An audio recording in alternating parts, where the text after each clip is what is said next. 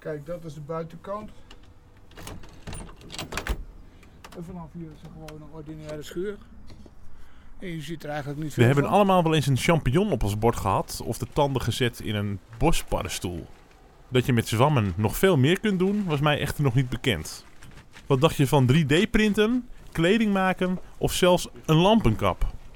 Naast een lekkernij is het dus ook een heel duurzaam product. In Kogende Zaan is Jack Wink, beter bekend als Jack Zwam, er een bedrijf in begonnen. Zaanse Zwam. Hij ontving mij in zijn schuur. Dit is een Zwammen Imperium. Hier kweek ik mijn paddenstoelen. Ik neem je mee naar binnen. Oké, en het is hier lekker aangenaam, want dat hebben de zwammen nodig. Dat hebben de Wat is de beste nodig. conditie voor een zwam om te groeien? Voor deze paddenstoelen, laat ik het zo stellen. Dus elke paddenstoel heeft zo zijn eigen eh, bereik, zeg maar. Qua licht, luchtvochtigheid en temperatuur. Maar de grijze oesterzwam, die eh, groeit toch het best eh, tussen de, ja, de bos in de herfst.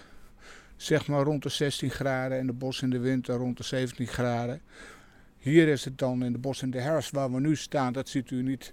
Maar het is hier al eigenlijk geen of weinig licht, weinig luchtvochtigheid en weinig eh, wind. Maar zometeen hierachter een, een, een plastic afdekking. Daar heb ik de bos in de winter gecreëerd. Daar heb je licht, daar heb je lampen. Daar heb je ook luchtvochtigheid dat eh, verhoogd wordt. Daar heb ik een apparaat voor. Dat zijn dus eigenlijk de omgevingen waarin deze paddenstoelen het beste groeien.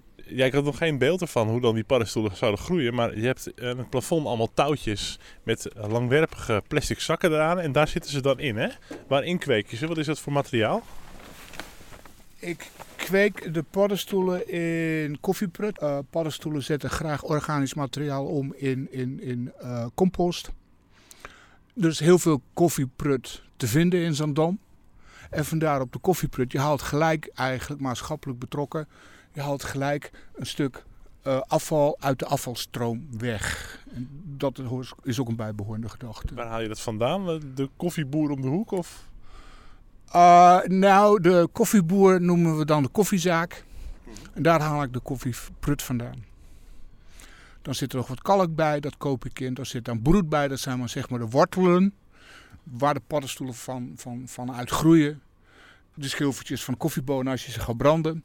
Die is daarvoor om de koffieprut een beetje luchtig te maken. Anders wordt het uh, te strak om in te groeien. Dat werkt niet.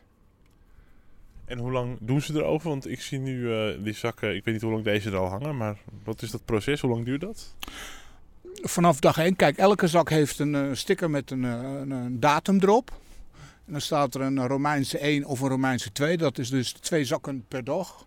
Vier weken later, maar dan komen dan op een gegeven moment witte dingen naar voren, witte puntjes. En dan gaat het over naar bos in de winter.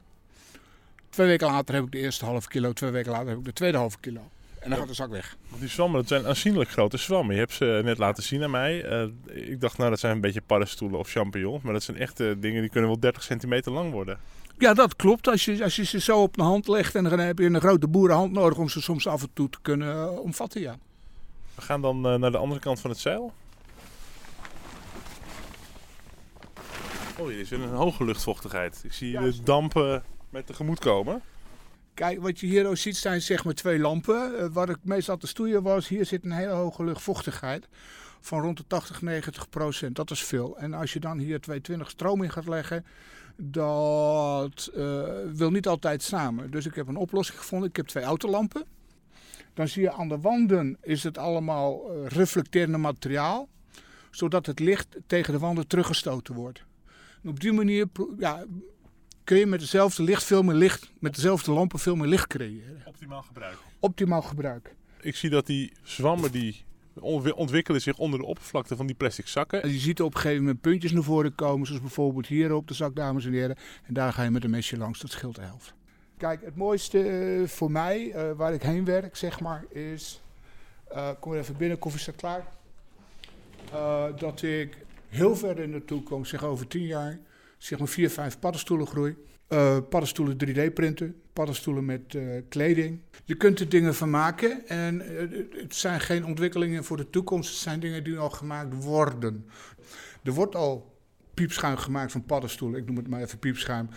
Er worden al kleding gemaakt en er werd vroeger al kleding gemaakt van paddenstoelen. Er worden ook geneeskunde, geneesmiddelen gemaakt van paddenstoelen. Sowieso penicilline komt van paddenstoelen, dat weet bijna niemand. Dat zijn toch wel leuke dingen voor in de toekomst om mee te gaan werken en op de markt te zetten. Ook denk ik dat urban farming dus in een stad een boerderij opzetten of iets wat levensmiddelen creëert opzetten. Ik denk dat het ook toekomst gaat worden. De steden worden alleen groter. Ik ben ervan overtuigd dat, dat ja, hier een, een paddenstoel en, en, en, misschien in Hoorn of in Purmerend en in Den Helder, en dan praat ik alleen over Noord-Holland, Huizen misschien, ook Noord-Holland. Dan, dan hebben we een heel goed bereik over paddenstoelenkweek. En dan kun je elkaar ondersteunen. De Zaanse zwammen zijn nog verkrijgbaar bij de Keuken in, te Assendelft, Groeneveld eten en ze staan op het menu van restaurant De Zwarte Walvis op de Zaanse Schans. Als het aan de toekomstvisie van Jack ligt, zijn er over een paar jaar verschillende kweeklocaties door de hele Zaanstreek. Voor meer informatie over de Zaanse zwammen en wat je ermee kunt doen, kijk je op www.zaansezwam.nl.